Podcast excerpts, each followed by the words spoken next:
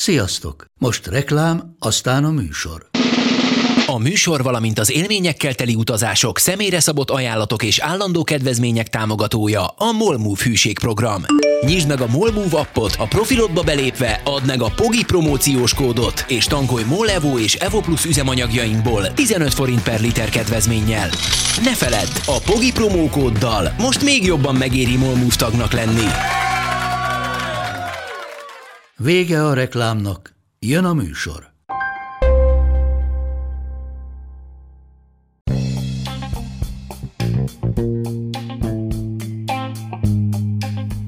Ez itt a Pogi Podcast. Pogácsa Zoltán közgazdás, szociológus, politikai gazdaságtani podcastja a globális gazdaságról a klímaválság, az automatizáció, a digitális gazdaság, az egyenlőtlenségek és a posztdemokrácia korszakában. 2008-as globális pénzügyi válság fordulópontja a Lehman Brothers összeomlása volt. Most viszont eljött a kriptovilág Lehman Brothers pillanata is, ami történetesen az FTX nevű kriptotősde összeomlása hozott el.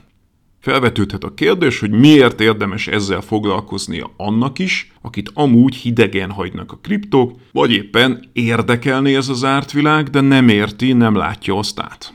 Nos, az FTX esete azért rendkívül izgalmas, mert ritka betekintést enged a kriptók világába, sok-sok minden megérthető azon keresztül, magukról a kriptókról is, de arról is, hogy ez az ezoterikus, kitalált világ hogyan kapcsolódik a mi valódi gazdaságunkhoz, társadalmunkhoz. Példaképpen az egyik főszereplő a történet kínai származású győztese, konkrétan a világ 19. leggazdagabb embere. A másik, a vesztes, egy 30 év körüli amerikai figura, nagyságrendileg annyira volt gazdag, mint nálunk Csányi Sándor vagy Mészáros Lőrinc, viszont az általa tulajdonolt FTX összeomlásával két napon belül semmivé lett a vagyona, és örülhet, ha nem kerül végül dutyiba. Következik tehát a nagy kriptotősde összeomlás története.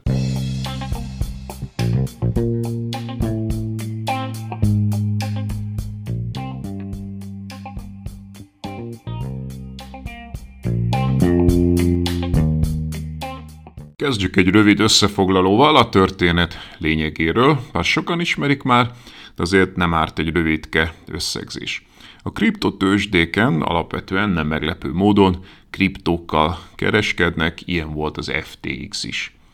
Kijött egy elemzés a Coindesk nevű online szakoldalon, mely szerint manipulációk vannak a hátterében, majd elkezdett ezzel kapcsolatosan tweetelni a legnagyobb rivális, a Binance tulajdonosa, majd ennek köszönhetően az FTX összeomlott.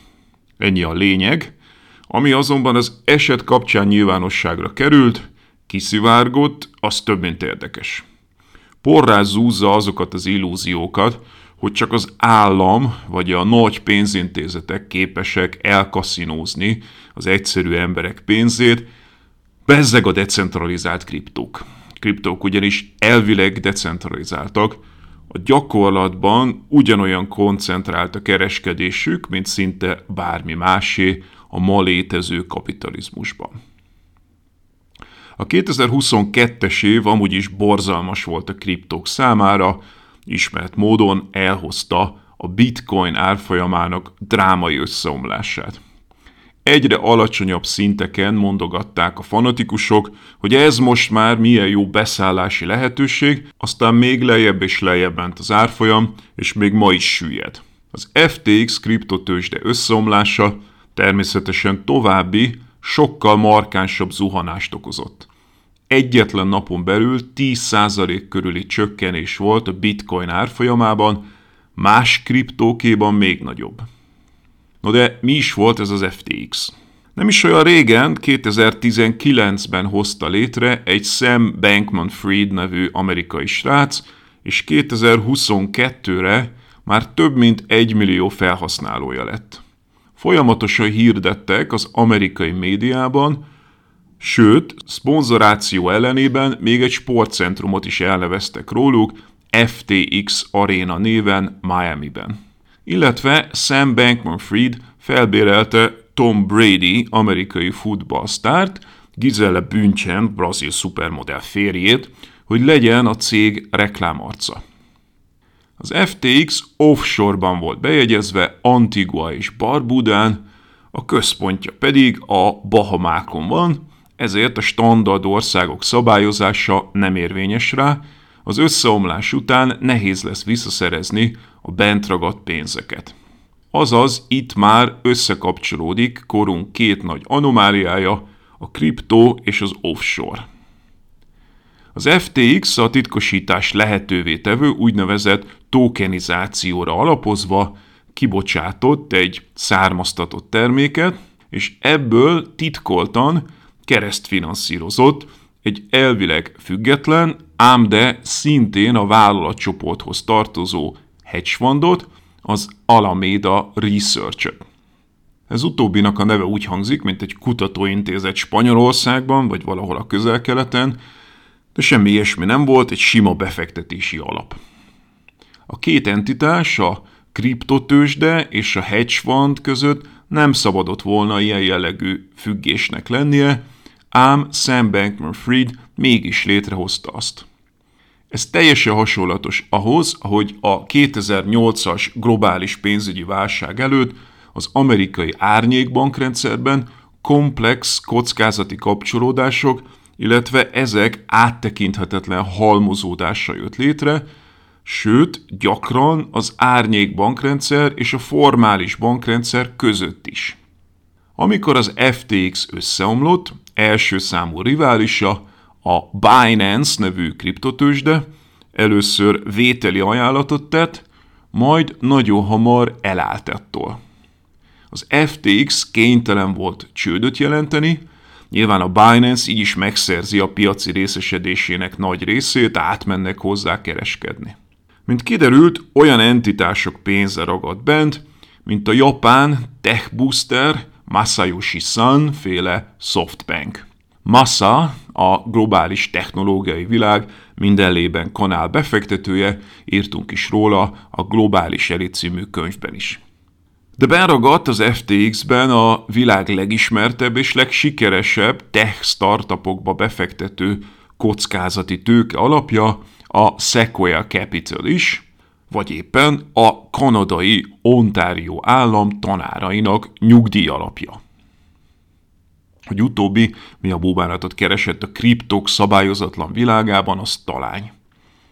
Az FTX tulajdonosa a már említett Sam Bankman-Fried, akinek volt egy ponton 26 milliárd dolláros vagyona is. Viszont az FTX összeomlásával a Bloomberg és a Forbes szerint is a valaha volt leggyorsabb magánvagyon összeomlást produkálta, gyakorlatilag egyetlen nap alatt vált semmivé a teljes gazdagsága. Sam Bankman-Fried egyébként a demokrata párt egyik legnagyobb szponzora volt.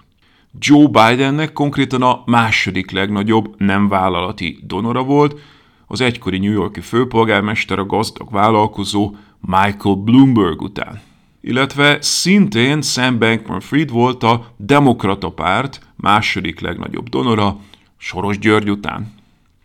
De nem csak a pirosra tett a politika kaszinójában, biztos, ami biztos tett a feketére is. Hogy csak nyerhessen, republikánus szenátorokat is támogatott.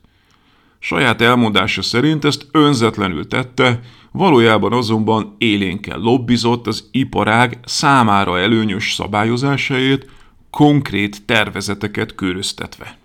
Akkor is éppen a washingtoni kormányzatnál lobbizott, amikor az összeomlás bekövetkezett.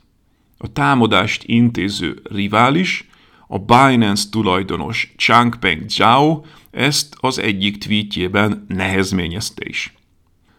Amúgy a Twitter szerepe rendkívül érdekes a kriptovilágban, rengeteget használják a nagy kriptoguruk, mivel az egész kriptofantázia, mint spekulációs eszköz, azon a mítoszon alapul, hogy a szabadság nagy narratívája áll mögötte. Sokkal több, érdemben elemezhető valódi gazdasági folyamat ugyanis reálisan nem áll mögötte, ezért ezt a szabadság technológiája narratívát folyamatosan szűni kell, a technofil közönség körében pedig erre rendkívül alkalmas a Twitter. A Binance támadása az FTX-szel szemben szintén teljes egészében a Twitteren zajlott, egy-egy újabb tweet újra és újra megmozgatta az árfolyamot, illetve újabb és újabb eladási hullámokhoz vezetett. De ha már Twitter. Az FTX összeomlásával párhuzamosan történt, hogy Elon Musk megvásárolta a Twittert. Sam Bankman-Fried milliárdokat ajánlott fel Musknak, hozzájárulva az akvizícióhoz. Illetve szintén befektetett a számos sikeres tech unikornist megfinanszírozó legendás kockázati tőke alapba, a már említett Sequoia Capitalbe. Érdekesség még, hogy Sam Bankman-Fried tagja az effektív altruizmus elnevezésű mozgalomnak, melynek célja, hogy hatékony módon segítsen másokon. Sam Bankman-Fried elkötelezte magát, hogy szinte az egész vagyonát jótékonykodásra fogja költeni, ám az FTX összeomlásáig csak egy kis részével tett így. Hogy ténylegesen mit tett volna, sosem tudjuk meg, innentől viszont már módja sem lenne rá nagyon. Arról amúgy, hogy milyen önérdekből jótékonykodnak a gazdagok, szintén írtunk a Globális Elit című könyvben. Fontos aspektus, hogy Sam Bankman-Friednek a botrány előtt kifejezetten jó volt a reputációja, kriptotősdéjében vakon bíztak a kriptózók, meg a hozzáértő profik is. Mindez annak ellenére, hogy szorosan együttműködött a korábban bebukott kriptó játékkal, a Celsius network illetve a folyamatosan hozugasságokon, csaláson rajta kapott stablecoin kriptó kibocsátóval, a Tetherrel. Mit kell tudni a támadóról, Changpeng Zhao-ról? Changpeng Zhao a végül talpon maradt nagy riválisa, Binance kriptotősde alapítója. Ahogy a digitális térben nevezi magát, illetve ahogy mások is nevezik, CZ 1977-ben született Jiangsu tartományban, Kínában. Apja egyetemi tanár volt, a Tiananmen téri mészárlás után Kanadába emigrált a család. CZ később a Tokiói tőzsdén dolgozott, majd 2013-ban Shanghai-ban kezdett el kriptókkal foglalkozni, azaz Sam Bankman-Friedhez hasonlóan ő is relatíve későn. Magát a Binance-t is csak 2017-ben alapította CZ. Jó példa az ő személyes története két dologra. Egyrészt, hogy az emigráns kínaiak is bőven együttműködnek a népköztársasággal, hiába menekült el a család politikai okokból, és lett CZ időközben kanadai állampolgár. Másrészt pedig cáfolja a ténykedése azt a Magyarországon kiírthatatlan naív hitet is, hogy a kínaiak még mindig csak a low-tech-et tudják, a high-techre valahogy alkalmatlanok. Alapítása után nem sokkal a Binance nem csak hogy a világ legnagyobb exchange lett, hanem nagyobb, mint a következő négy együtt. 2019-ben CZ még az 1818. volt a Forbes vagyonlistáján, 2022-ben már a 19 fél milliárd dollárt adott ő is Musknak a Twitter megvásárlásához, nem csak anyagi, hanem ideológiai megfontolásból. CZ egyébként ugyanúgy szokta a Twitter posztokkal mozgatni a piacokat, mint Elon Musk. Szintén hasonlít abban Muskhoz, hogy komplex belső struktúrákkal igyekezett megakadályozni az amerikai hatóságok belelátását a cégeibe.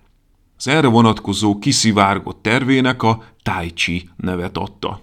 Még az is felmerült, hogy ha Musk ígéretéhez híven lehetővé tenni a kriptós fizetést a Twitteren, illetve a blockchain technológia bevezetésével kirúgná onnan a botokat, akkor ezeknek a technológiai újításoknak a megvalósítására senki más nem lenne olyan alkalmas, mint maga CZ. Az FTX történet érdekessége egyébként, hogy Sam Bankman-Fried előbb 2017-ben hozta létre a már említett Alameda hedge fundot, és ezen belül indult 19-ben az FTX. Ám ez utóbbi váratlanul nagyra nőtt, és érthető módon Sam Bankman-Fried innentől erre koncentrált. A történet picit még tovább bonyolódik, a rivális Binance ugyanis 20% erejéig kezdetben befektető volt az FTX-ben. Később viszont Sam Bankman-Fried kivásárolta őket, mégpedig pont azzal a token alapú származtatott termékkel fizetve, amelyel az Alamédát is finanszírozta, és ami miatt most bajba került. A stratégiai gondolkodású és hidegvérű CZ pontosan ebben látta meg a lehetőséget, amikor a minap a már említett Coindesk elemzésre hivatkozva kitvítelte, hogy eladja ezt a nála lévő rengeteg FTX token alapú, nem szabályozott származtatott terméket, és ezzel kihúzza a szőnyeget az Alaméda alól. Eszébe juthat az embernek, hogy nem lehet-e, hogy CZ eleve azért vásárolt részesedést a riválisban, illetve azért fogadott el token derivatívákat a kivásárláskor, mert tudta, hogy így akkor húzza ki az FTX-et a konnektorból, amikor csak akarja. Miért jelentett az FTX összeomlása ekkora csapást a kriptovilágra? Azért, amit már említettünk. Porrázúzza azt az illúziót, hogy a kriptók esetében nincs koncentrált hatalmi tényező, aki manipulálhat és aki megrövidítheti a kisbefektetők hadát. Van. Felmerülhet a kérdés, hogy szükségünk van-e egyáltalán ezekre a közvetítőkre, a kriptotősdékre. A kriptok szubkultúrájában ismert a mondás not your keys, not your money. Azaz, hogy ne parkoltasd a kriptódat kereskedőknél, tartsd azt saját magadnál, az internettől lehetőleg leválasztott helyen. Messze a legtöbb felhasználó ennek ellenére mégis kereskedőket használ, mert ez egyszerűbb, a közvetítő nélküli kereskedéshez szükségeltetik némi informatikai tudás. Az FTX összeomlása egyébként ráadásul nem is az egyetlen hasonló sztori a kriptók közelmúltbeli történetében, bár kétségtelenül a legnagyobb, de az olyan botrányok, mint a Quadriga nevű szintén kriptotősde, a Terra USD blockchain és a Luna kriptoeszköz, a már említett Celsius Network, vagy éppen a Three Arrows Capital Crypto Hedge Fund mind-mind egy-egy szöget jelentettek a kriptó koporsójában.